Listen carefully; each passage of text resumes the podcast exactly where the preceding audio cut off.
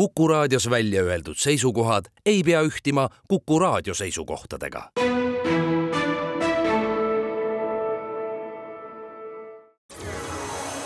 loodusajakiri, vaata ka looduseajakiri.ee. tere kõigile, kes meid kuulavad.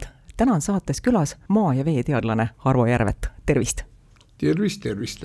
mina olen saatejuht Tiia Rööp ajakiri Eesti Loodus juuli-augusti number keskendub vooluveekogudele ja tänane saatekülaline Arvo Järvet, samuti kartograaf Raivo Aunap kirjutavad sellest, kust algavad Eesti jõed. artikli pealkiri on sõnastatud küsimusena, kust algavad Eesti jõed? ja sellele küsimusele saab vastata minu meelest kahes võtmes. saab vastata suurt pilti silmas pidades ja saab ka vastata sellele detailidesse minnes. kõigepealt äh, vaataks suurt pilti. kui me kujutame endale ette Eesti geograafilist kaarti ja mõtleme nende jõgede peale, millel on pikkust enam kui kümme kilomeetrit, mis piirkonnas või mis piirkondades on kõige enam selliste jõgede lätteid?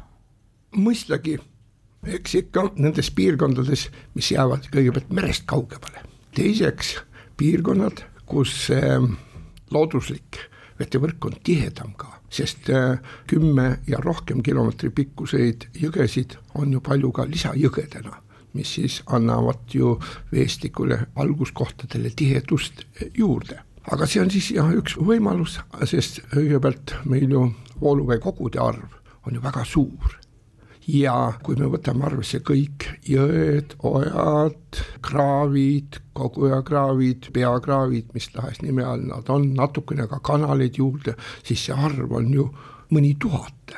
Ja see tekitab võib-olla isegi natukene segadust, et äh, meil ametlikus registris on nii palju vooluveekogusid. ametlikult peamegi rääkima vooluveekogudest, sest palju neid jõgesid on, mis jõgede nime kannab.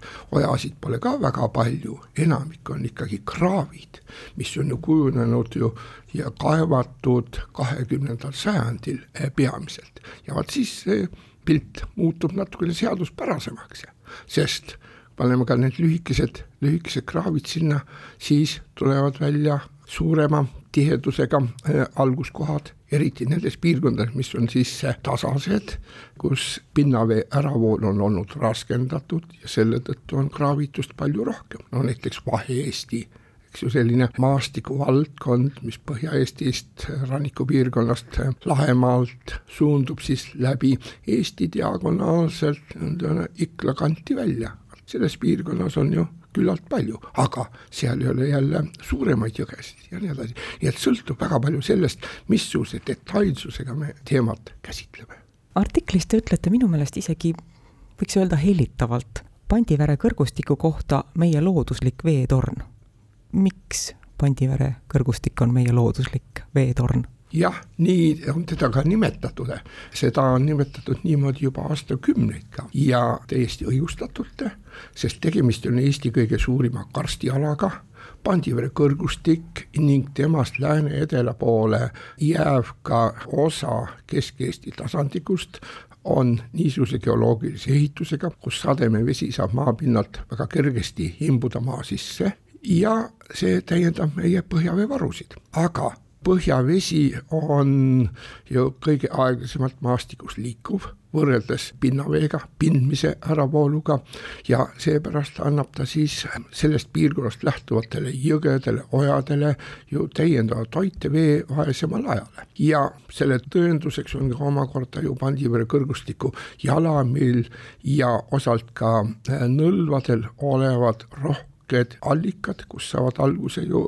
paljud üle Eesti tuntud jõed, mis voolavad nii Soome lahte kui ka Pärnu jõgikonna, aga ka Emajõe põhjapoolsemad äh, suuremad lisajõed nagu Pedja ja Põltsamaa ja nii edasi. nii et looduslik veetorn jah, selle tõttu, et vesi läheb kergelt maa sisse ja pärast suurem osa sellest veest tuleb tagasi või tuleb maa seest välja allikate, allikajärvede ja ka jõe otse jõesängidesse, aga ühtlasi tähendab see jõgede alguskohta seda, et Pandivere kõrgustiku keskosa on ju ilma alaliste vooluveekogudeta. Seda on üle tuhande ruutkilomeetri, on sellist ala, mis on Eesti mõõtkavas ikkagi väga väga suur ala ja hüdrograafilisel kaardil ta torkab ka hästi silma, et kui ta on ju vooruveekogude poolest nagu valge laik, no järelikult peavad olema seal mingisugused erilised eh, tingimused siis, mis põhjustab selle, et jõed puuduvad, aga see ongi siis tingitud sellest, et vesi läheb meil looduslikku veereservuaari. ja kuna ta paikneb ka ümbritsevate alade suhtes, ma mõtlen Pandivere kõrguslikke seitse, kaheksakümmend, kohati isegi sada meetrit kõrgemal, me saamegi rääkida siis kõrgemal olevast alast, veetornist. Lugesin teie artiklit ajakirjas Eesti Loodus ja siis ma sain aru, et minu võib-olla romantiline ettekujutus sellest, kuidas kõik meie jõed saavad alguse mõnest imeilusast allikast, no umbes sellisest kohast, mille meeleolu on väga ilusasti maalile taletanud Johan Köhler oma maalil Tütarlaps allikal et see on ikka täitsa vale ja see on ajast ja arust. kui me mõtleme ennast tagasi üheksateistkümnenda sajandi keskpaika, sellesse samasse aega, kui Johann Köhler maalis oma tütarlapse allikal, ja räägiksime meie jõgede alguspunktidest, lätetest, kas meie jutt oleks hoopis teistsugune kui see, mida me räägime täna? teatud määral kindlasti, arvestades seda, et Eestis on ju väga palju allikaid, suurem osa neist on niisugused, mis väga veevaesel ajal, pikemal põuaperioodil jäävad kuivaks, aga eks siis eh, vihmade tuleku järel siis taastub jällegi vee väljavool ja nii edasi, allikaid on väga palju, aga mitte kõik kõikidest allikatest ei ole saanud ju alguse vooluveekogud, paljud on sellised, et vesi küll tuleb maa seest välja, jääb sinna allika nõvasse, aga ta vooluveekogu ei tekita. kindlasti oli sada viiskümmend aastat tagasi vooluveekogude algusi, allikatest saavad kohti algusi tunduvalt rohkem kui praegusel ajal ja põhjuseks ikka selles, et kahekümnendal sajandil osalt ka juba üheksateistkümnenda sajandi lõpukümnenditel ju tehti väga ulatuslikku kuivendust. alustati just eesvoolude kaevamist selleks, et luua tingimused eh, kuivendatud alalt vee äravoolamiseks ja selle tulemusena allikaid jäi märgatavalt palju kuivaks. isegi küllalt suuri allikaid jäi kuivaks veel ka kuuekümnendatel aastatel, seitsmekümnendate alguses, siis kui tõstatati tegelikult probleem kuivenduskraavide, sügavate kuivenduskraavide, eriti paealadel, nende kraavide lõhkamisest siis pae pinnasesse mis muidugi muutis ju maapinna lähedase põhjavee režiimi. nii et neid kohti oli palju, teiseks kuivendusega seoses loodi või kujunes väga tihe kuivenduskraavide võrk ja selle tulemusena saame siis ju mm, nii-öelda vastuvoolu liikudes mis tahes jõge või oja pidi otsida siis selle koha, kus on võimalik kõige kaugemale kraavi mööda minna ja sellepärast ka siis kunagise allika asemel on siis jõe alguseks väikene, väikene kraavikene kusagil, sest kraavituse võrk on äärmiselt, äärmiselt tihe meil. ja täna me olemegi selles olukorras, kus neli viiendikku meie üle kümne kilomeetri pikkustest jõgedest saavad alguse kraavist. jah sest eh, nii on tegelik olukord, sest ega meil, kui võtame väga formaalselt, ei olegi vaja muud, kui leiame selle kõige kaugema koha, kust vesi vastavalt vaadeldava jõe poole voolab ja loeme selle siis tema alguseks. ja siin tekib ka nüüd teatud määral vastuolu nii-öelda mõistuspärase nii-öelda tavainimese äh, mõttes loogilise jõe alguse ja ütleme siis hüdrograafiliselt formaalse jõe alguse vahele, sest ei ole võib-olla otstarbekas neid jõgesid võimalikult pikaks venitada kunstlikult, võime küll võib-olla kümme või isegi viisteist kilomeetrit saada pikkust juurde, aga jõega ei ole seal mitte mingil juhul tegemist, see on lihtsalt üks kraav, alguses võib-olla ainult kuivenduskraav, siis kogujakraav, mis siis aastaringselt pole üldse voolusäng veega täidetud niimoodi ongi siis suurem osa nendest pikematest jõgedest, aga väga ülekaalukas osa kõikidest ka lühematest vooluveekogudest oma algusega siis formaalselt kusagil kraavi alguskohas, tinglikult. võib-olla oleks otstarbekam püüda paika panna nii-öelda mõistlik jõe alguskoht, selle üle on arutletud, aga praegu on nii, nagu kunagi kaheksakümnendate aastatel selline vooluveekogude nimestik eh, tekitati ja siis need alguskohad ka kindlaks määrati. muide, nimestikus on ka meie ametlikus riiklikus registris, vooluveekogude registris võib huvi pakkuda, et eh, mis on kõige lühem vooluveekogu. On võetud ka nimekirja veekogu, üks kraav, millel on pikkus tal kolmkümmend meetrit. aga selliste andmetega on vaja meil riiklikku registrit üle koormata.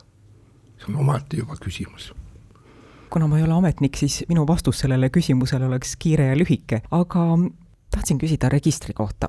seal on igal vooluveekogul oma kood. näiteks Pärnu jõe kood, kui ma nüüd ei eksi, on üksteist tuhat kakssada kolmkümmend viis. miks neid vaja on ja kuidas kood tekib? see on omistatud siis eh, igale vooluveekogule, eristamaks teda siis teistest. vajalik on see juba, et oleks süsteem jaotussüsteem, sest nime järgi ei ole võimalik veel kõike üheselt nii-öelda paika panna. numeratsioon algab meil Kagu-Eestist, Eesti piiri eh, jõega Moložva jõgi Setumaal, eh, millest siis Eestis on väike, väikene lõik nii-öelda piirijõest ja niimoodi vastu päeva see süsteem käib jõgikondade viisi, nõnda. ja see numeratsioon on siis võetud kasutusele selle tõttu, et oleks võimalik tunnuse, tähendab arvu aga sinna juurde käib ka nimi, selle järgi nendega tegeleda. eriti oluline on see praegusel ajal, kui on tegemist digitaalsete infosüsteemidega, siis peab olema üks ühine tunnus ja üks ainult sellele jõele omane nimi ja sellest tulenevalt on tekitanud ka võib-olla küsimusi, et miks ühed näiteks tuntud jõgi näiteks Kasari jõgi Lääne-Eestis, Eesti üks suuremaid, ajalooliselt on kandnud Kasari nime Vigala jõe ja teenuse ühinemiskohast alates kuni suubumiseni Matsalu lahte, aga kunagi on teenuse jõgi, mille järgi seda jõge tuntakse ka praegu selles piirkonnas, kannab Kasari nime. Aga sellepärast, et ei saa olla jõel formaalselt kahte nime piki voolusuunda pikki voolu liikudes, vaid tal on üks, ainult üks nimi. Ja see on siis sellisest näitest tulenevalt Kasari eh, nimi omistatud ka Teenuse jõele, mis siis eh, tee omaaegse Teenuse, Vigala, Velise jõgede nii-öelda kokku voolamise piirkonnast on kõige pikem noh, kõige pikem jõgi on saanud siis selle peajõe nimetuse, see on paratamatu.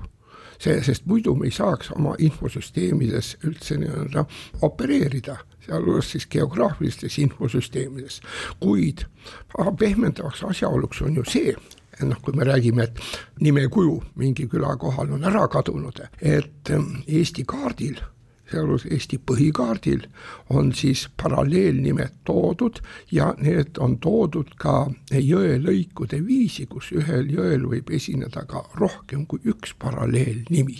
nii et nad on kaardipildis olemas ja nad on ju meie kohanimed, meie toponüümid, mis on ka tegelikult ju teatud määral nagu rahvuspärand sest kohanimesid tuleb ju austada ja võimalikult palju algupäraseid kohanimesid kuid tänapäeva infotehnoloogia omakorda ju põhjustab selle, et me peame mõningal, mõningas kohas nii-öelda väga ametlikus asjaajamises ja uurimistöös veidi teistsugusi variante ka rakendama. ajakirjas Eesti Loodus te kirjutate Salme jõest, mis on üks äraütlemata kummaline jõgi, tal nagu lätet ei olekski, selle asemel on kaks uued. aga veel kirjutate Võhandu jõest ja muidugi saab sellest ka ajakirjast Eesti Loodus lugeda, aga tahtsin pärida, miks Võhandu jõe alguskoht on üks arutlemise koht?